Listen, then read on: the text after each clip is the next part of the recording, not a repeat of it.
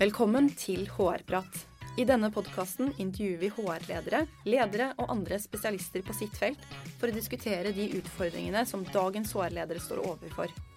Vi tar opp temaer innen ledelse, organisasjon, arbeidsrett og praktiske utfordringer innen HR. Mitt navn er Lene Gjevert, og jeg jobber som HR-manager i Visma.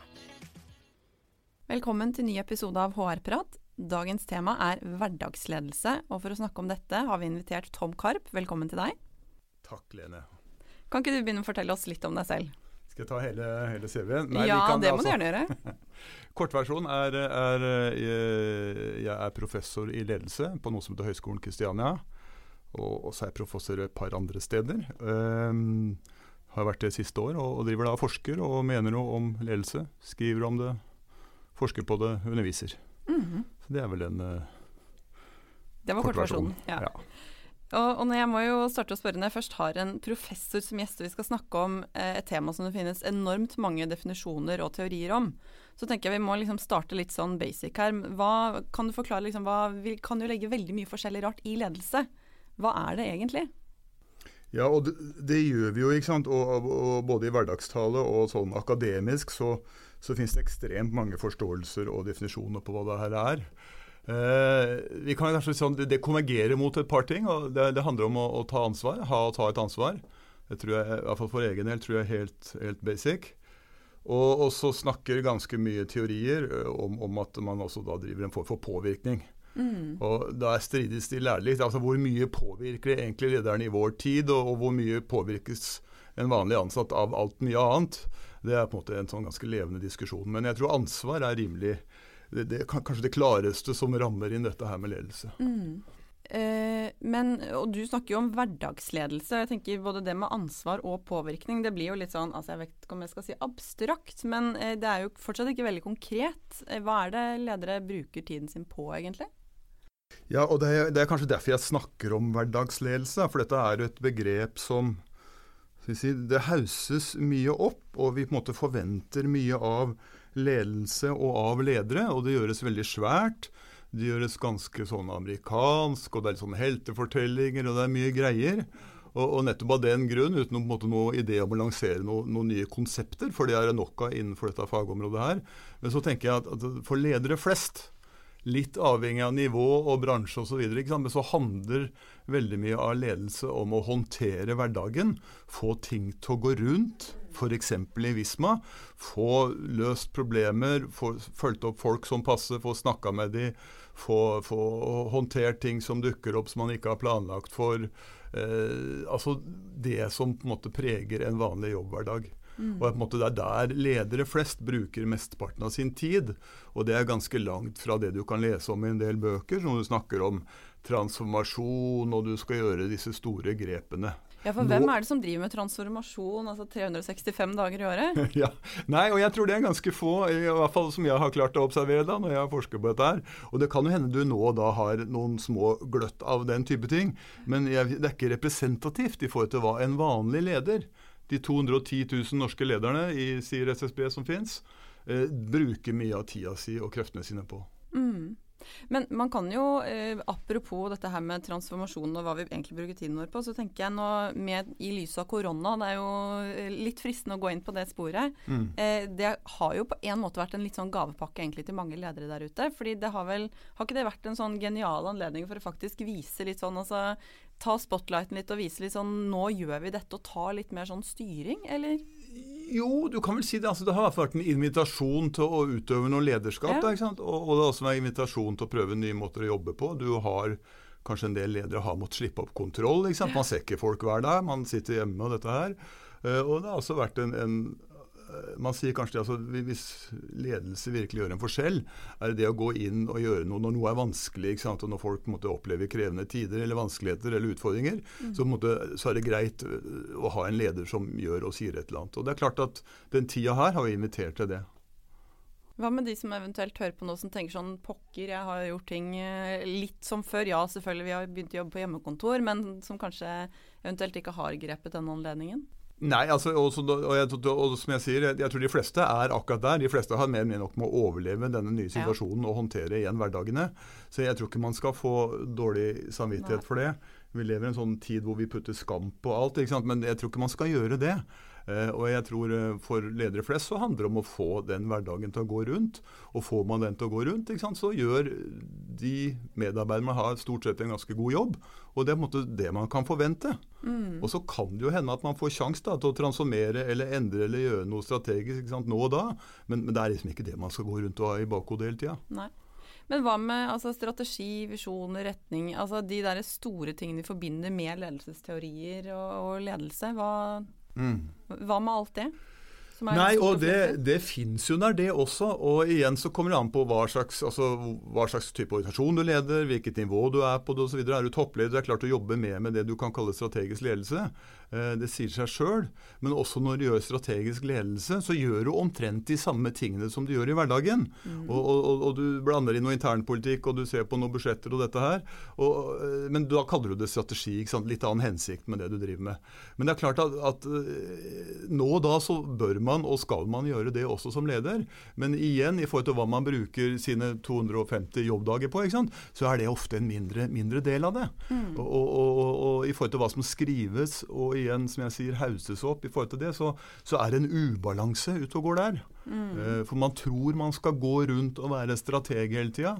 Og man liker som leder å putte strategi inn i annenhver setning. For da høres det veldig som sånn lederaktig ut. Ja, ja. Og, det, det, og da, da, driver man og lager et, et, dyr som er større enn det behøver å være. Og legger kanskje forventningene høyt, ikke minst i forhold til seg sjøl. I forhold til hva man skal skape i sitt lederskap. Men hva er egentlig en god leder? Nei, og det er jo en sånn god ledelse er jo også sånn begrep vi ofte bruker mye i hverdagen. Vi snakker, jo, ja, vi snakker jo om det når vi vurderer sjefen vår og, og vi møtes i kantina og sånne ting. Så, og i pressen så snakker vi mye om god ledelse. Um, og det har ikke noen presis definisjon. Men hvis du skal gå et sted, så, så i hvert fall når jeg skriver og mener noe om det, så går jeg, kan du gå tilbake til de gamle klassikerne, altså til filosofien. Gresk filosofi ikke sant? for et par 3000 år sia. Og da snakka vi om det hvis du skulle måtte være god leder. Da var det to ting. Du skulle lede med godhet i hensikt, altså til det beste for samfunnet. Mm. Og i vår verden og vår samtid da, så vil det jo handle om i større grad tenke på noe annet enn en ren båndlinje. Altså ta et sosialt ansvar, alt dette CSR og det som er kommet, et klimamessig ansvar osv. Et ansvar som er større, altså til noe som er det beste for samfunnet.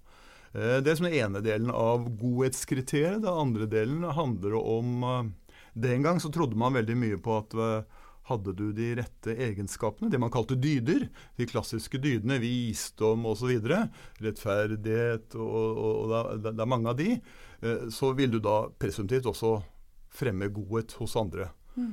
Og så tror vel jeg selv. Og, og, jeg, jeg, tror det er vanskelig å, måte, å, bevise den type sammenheng. Og si at har jeg noen gode dyder, så vil jeg klare å fremme de gode dydene hos deg. Og så vil organisasjonen jobbe mot et, et, godt mål. Så jeg tror det å bare se på egenskaper sånn, jeg tror det, måte, det er litt sånn blindspor. Men skal vi runde av dette godhetsgreiene, så tror jeg det handler veldig mye om, igjen tilbake til filosofene, Aristoteles snakka om det, at uh, det handler om det å balansere maktbruk, for det er jo en greie med ledelse, med å få folk til å følge deg frivillig. Så ja. klare å unngå å ty til maktmisbruk, destruktivitet, hersketeknikker og alt dette her, og i større grad fremme at det, det mennesket der har jeg lyst til å følge. Mm. Da tror jeg på en måte vi er så nærme vi kan komme godhet i, i vår samtid. Og da gjerne med et noe bredere samfunnsperspektiv enn den rene båndlinja. Mm. Men når du er inne på dette med maktbruk, så tenker jeg litt sånn Hvem er det som egentlig tiltrekkes av lederrollen? Er det et jevnt snitt av befolkningen som blir ledere, eller eh, er det, grunn, er det helt tilfeldig at man ofte ser litt sånn eh, ja, overskrifter på nettaviser, eller at det dukker opp saker? Er det rent tilfeldig fordi det er et jevnt snitt av befolkningen? Det er, et, det... det, er et godt spørsmål, Leno. Det er et lada tema. Men det er mye som tyder på at vi har en skjevfordeling innenfor disse 210 000 lederne som jeg snakka om, av mennesker som tiltrekkes yrket fordi de er glad i å utøve makt. De liker å ha kontroll på ting. De liker å måte, ha kontroll på alt rundt seg. De liker på en eller annen måte å, å ha det siste ordet. Ting som i større, større, større grad måte, detter inn i litt mer sånn destruktive, eller litt mer sånn ja, psyko, psykotiske altså det, det, er ting som ikke er sunt. Mm. Og det er en overrepresentasjon av den type mennesker innenfor lederyrket. er det mye flere studier som peker på, også her i Norge. Det er ganske mange ledere som mobber, det er ganske mange som tyr til hersketeknikker. altså Det er mye av dette her i spill, men vi snakker ikke så mye om det. Og det er ikke ja, Vi vil helst ikke vite om det, kanskje. Jeg vet ikke. Men hvordan skal man avsløre disse lederne før, eh, si, før de kommer så langt at de kanskje kommer i lederposisjon? Ja, jeg tror kanskje noe av det viktigste man gjør da, når man snakker lederutvikling, og for, for du, dere som snakker til HR-ledere, så handler det om måte, hvordan selekterer man og rekrutterer ledere? Altså, selekterer man de som rekker opp hånda først? Eller på en måte i større grad prøver man å få tak i mennesker som, som, som nødvendigvis ikke er de som stikker seg fortest fram? Og, og, og klarer man å lage mekanismer for å sile ut folk som på en måte har tendenser til det vi nå snakker om. Personlighetstrekk som ikke er sunne, osv. Altså det handler kanskje i større grad om å få silt vekk mennesker som egner, ikke egner seg, enn en det mer klassiske intervjuet og hvordan man i større grad snakker om det positive og, og, og, og gjør den, den, reisen der. Mm. Og så må man jo etter selekteringen så handler det selvfølgelig om å gjøre eh, ledere gode også. Vi kan mm. jo ikke, holdt på å si De fleste er jo ikke født klare, vil jeg jo mm tenker i hvert fall fra egen erfaring og anta at det gjelder eh, resten også. Men eh, hvis vi går litt tilbake til dette med hverdagsledelse, hvordan skal ledere bli gode på å mestre hverdagen? Jeg tror, eh, og jeg er helt enig med deg, det er, en, det er en stor læringskomponent innenfor ledelse. Og, og det, det, er en pendel som svinger litt. Så, så, tror jeg også det faktisk er en biologisk komponent. Det er noen som ikke egner seg for dette her. Ja. Uh, men jeg er helt klart det er en stor læringskomponent. Og da tror jeg jo, det å mestre hverdagen, altså dette mestringsbegrepet, det handler om, kanskje som man gjør innenfor idrett, at man må trene på dette her. Og ikke minst i hverdagen. Du kan godt dra bort på en sånn pardagers lederutviklingskurs og de tingene der. Men effekten er mye mye større hvis du på en måte kan finne rom for dette her i hverdagen. Ha noen å snakke med, om det er coach eller en annen samtalepartner. Altså Får du ikke til den uh, vanskelige samtalen, ja, så trener du på det, da. Eh, hvis det er en stor del av den jobben du har i hverdagen, får du ikke til på hvordan du delegerer en, en oppgave, ja, så trener du på det og tar tilbakemeldinger på det. Og Sånn tror jeg man holder på. Og gjør du det over tid, så utvikler du i større og større grad det jeg vil kalle en profesjonell praksis. Akkurat som en snekker, en advokat, en annen menneske som driver med praksis. Ja, men De blir gode på den praksisen, og det er også det å lede mennesker. altså Du mm. blir god på en praksis. Men det, det kreves trening. Og Det kreves at du, du jobber med deg sjøl, og du tar litt sånn vanskelige tilbakemeldinger og, og gjør noe med de. Så klarer du ikke å forandre på alt, litt avhengig av hva du har i bånn, men, men, en del kan du gjøre noe med. Er det noen spesielle barrierer du tenker at ledere møter på for å utøve god ledelse, eller eh, holdt på å si, handler det bare om en selv og den mengdetreningen du er inne på? Det, det er klart du kan trene på mye, men det er jo gjerne sånn også ledelse er som en del andre fagfelt her i livet. Det er veldig lett å si hva man bør gjøre. Det er veldig lett å tegne en sånn idealverden, og, og, det er vi jo gode på. ikke sant? Og ja. Vi har alle oppskriftene, og du skal ha egenskapene sånn. Og det er jo ikke bare ledelse, det er jo i mange andre fasetter av livet. Eh, men, men, men liksom det, for å få til det, så har i hvert fall jeg oppdaga at uh, da er det for de fleste en del barrierer som handler om ting i omgivelsene, altså på utsida av en organisasjon, som kan være press fra utsida, det kan være forskjellige interessenter, det kan være politisk overstyring, gudene veit. Altså ting langt der ute. Eh, det er barrierer internt i organisasjoner som kan handle om ansatte du har med deg, som nødvendigvis ikke har den kompetansen de skal ha, et dårlig arbeidsmiljø, vanskelige strukturer med mye siloer, eh, organisasjonskulturer, kompetanse som mangler. At det, er organisatoriske barrierer. Uh, og ledere sjøl er ofte veldig flinke til å peke på de. Når jeg på en måte spør dem på noe, nå, da, nå da gjør sånn lederutviklingskurs, så, så, er de veldig kjappe på å dra opp de organisatoriske barrierene. Men jeg tror også det er tredjesettende barriere, og det handler om barrierer hos ledere sjøl. Og, og, som de ikke engang alltid ser, liksom, som handler om at ikke de har tid til å lede, har kapasitet til det, har energi til det. Eh, det handler om at de ikke tør gjøre en del ting som måte, trigger fryktreaksjoner eller annet hos dem. Det handler om at ikke de har kompetanse. Det handler om at de er glad i å miste makt og egeninteresse og de tingene vi snakka om i stad. Mm. Altså, vi har alle en god del barrierer da, som gjør at vi kanskje ikke handler som vi bør overfor andre mennesker. ikke sant? Akkurat som ellers i livet. Ja. Og Det handler om å oppdage noen av de, da, og kanskje kan du jobbe med å redusere en del av de barrierene. Men hvordan går man da frem? For jeg tenker det, Ut fra det du beskriver, så tenker jeg sånn, her er det jo mange som må kjenne seg igjen. Men hvordan skal du gå frem og finne ut ok, eksternt i virksomheten, hva ved meg er det som på en måte er Ja, men det, er jo noe, det går jo an å, for det første går det an å tenke igjen. Det er noen refleksjoner her. og Det går an å snakke med kollegaer om dette. her, Det går an å be om tilbakemeldinger. det går an å gjøre 360-evalueringer. Det går an å ta diverse tester. ikke sant? Det går an å bli kjent med seg sjøl, og det går an å bli kjent med menneskene rundt seg. Men det, det krever jo en, en, en innsats. eh, og litt tålmodighet rundt det der. Og, og det at du kan tåle noe ærlighet da, og kunne ta imot dette her og evne å gjøre noe med det. Eh, så, så det, altså jeg pleier å si det at ledere er også sin, sitt eget forskningsobjekt. Dvs. Si må man være interessert i å oppdage ting ved seg sjøl.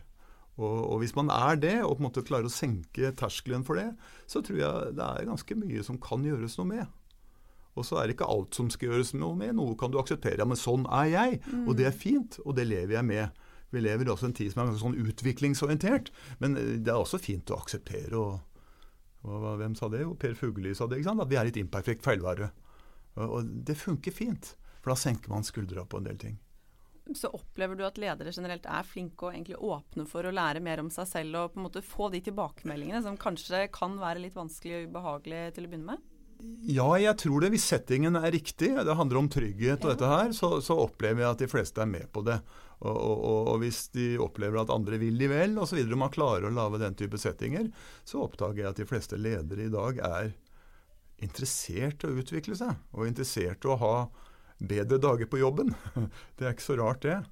Så, så, så, ja, jeg syns nok det. Mm. Men det er nok en mismatch mellom, mellom det å, å, få tid til det, da, og sjøl sette av tid til det, og på en måte gjøre prioritering som skal til for å reelt sett utvikle seg. For det er selvfølgelig vanskelig i krevende dager. Helt til sist, før vi runder av. Hvis du skal gi tre råd til de HR-lederne som nå hører på, eh, hvilke råd vil du gi dem for at de skal utvikle gode ledere i sine virksomheter? Tre råd, skal vi se.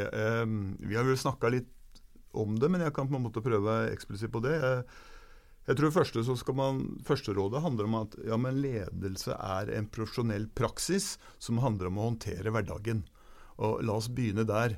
Istedenfor å sende folk på all verdens kurs med at de skal ja, sette opp verdiene sine, identitet, masse sånne flotte ting, så tror jeg i mye større grad det handler om å lære seg det å mestre en hverdag. Skjønn oppgavene. Mm. Tren på hva av det du ikke får til Hvilke godt nok. Hvilke utfordringer er det du har ja, i din hverdag? Ja, Hva er det du møter mye av? Sitter du halvparten av tida dine i møter, så ok, fint, men da bør du bli god til å være i møte. Da, da trener du på det. Så Det er liksom det første rådet. Um, det andre rådet tror jeg også da for HR-ledere som skal utvikle egne ledere, så vi har vel snakka om det også. Da tror jeg på en måte den største utviklingsarenaen er på arbeidsplassen. Så det å lage opplegg som gjør at man kan trene på ledelse på jobben, eventuelt selvfølgelig også litt hjemme, med, med å få noe støtte og noe tid og noe coaching og hva som nå skal til, eh, og noen å trene sammen med, for å bruke sånn idrettsbegrep, det, måte, det tror jeg er den beste treningsarenaen for å bli en god leder. Og, og tredjerådet Skal vi se Jo, vi var inne på det òg. Det handler om, som jeg sa i stad, at eh, plukke de rette lederne. Mm. Og selektere vekk de som ikke egner seg. For du kan gjøre veldig mye trening hvis du har feil folk inne fra starten av. Så er det på en måte begrensa for hva ledertrening og lederutvikling kan få til. Kvitte seg med det som ikke funker, rett og slett? Hardt ja, brutalt? Ja. ja. Selektere de bort. Ja. Det er ganske mye tall som viser Jeg hadde, jeg hadde en masteroppgave nå som jeg veileda som ja, De hevda vel at det var en 78% feilansettelser av ledere i Norge. Og, nå, nå, nå, er det andre som sier andre ting, men, men det verserer tall ned mot 50% også, Det kommer mange inn i posisjon som kanskje ikke burde være i posisjon. Så Det er kanskje det viktigste stedet å begynne hvis du driver med Har noe innen HR. Folka, Har vi de rette folka? Mm. Før vi begynner å investere tid og penger og ting i det. Litt dyster avslutning. Ja. Nei, men jeg vil ikke si det er en dyster avslutning, for det går jo ganske bra i en god del ting. Da? Men da er jo potensial da, for å å kunne gjøre noe med noe som kan gå enda bedre. For det er, det er mange potensielle lederkandidater der ute. Men de er kanskje ikke de som rekker opp hånda først, som jeg sa. Lete litt mer. Ja. Mm. Da sier jeg tusen hjertelig takk til deg og for at du kom. Jo, takk for jeg fikk komme. Det her var jo gøy. Absolutt. Og til deg som hører på, vi prates. Hvis du har temaer eller spørsmål du ønsker vi skal diskutere, send oss gjerne en mail på hrprat.visma.com. Og for flere episoder, sjekk ut visma.no slash podkast slash hrprat.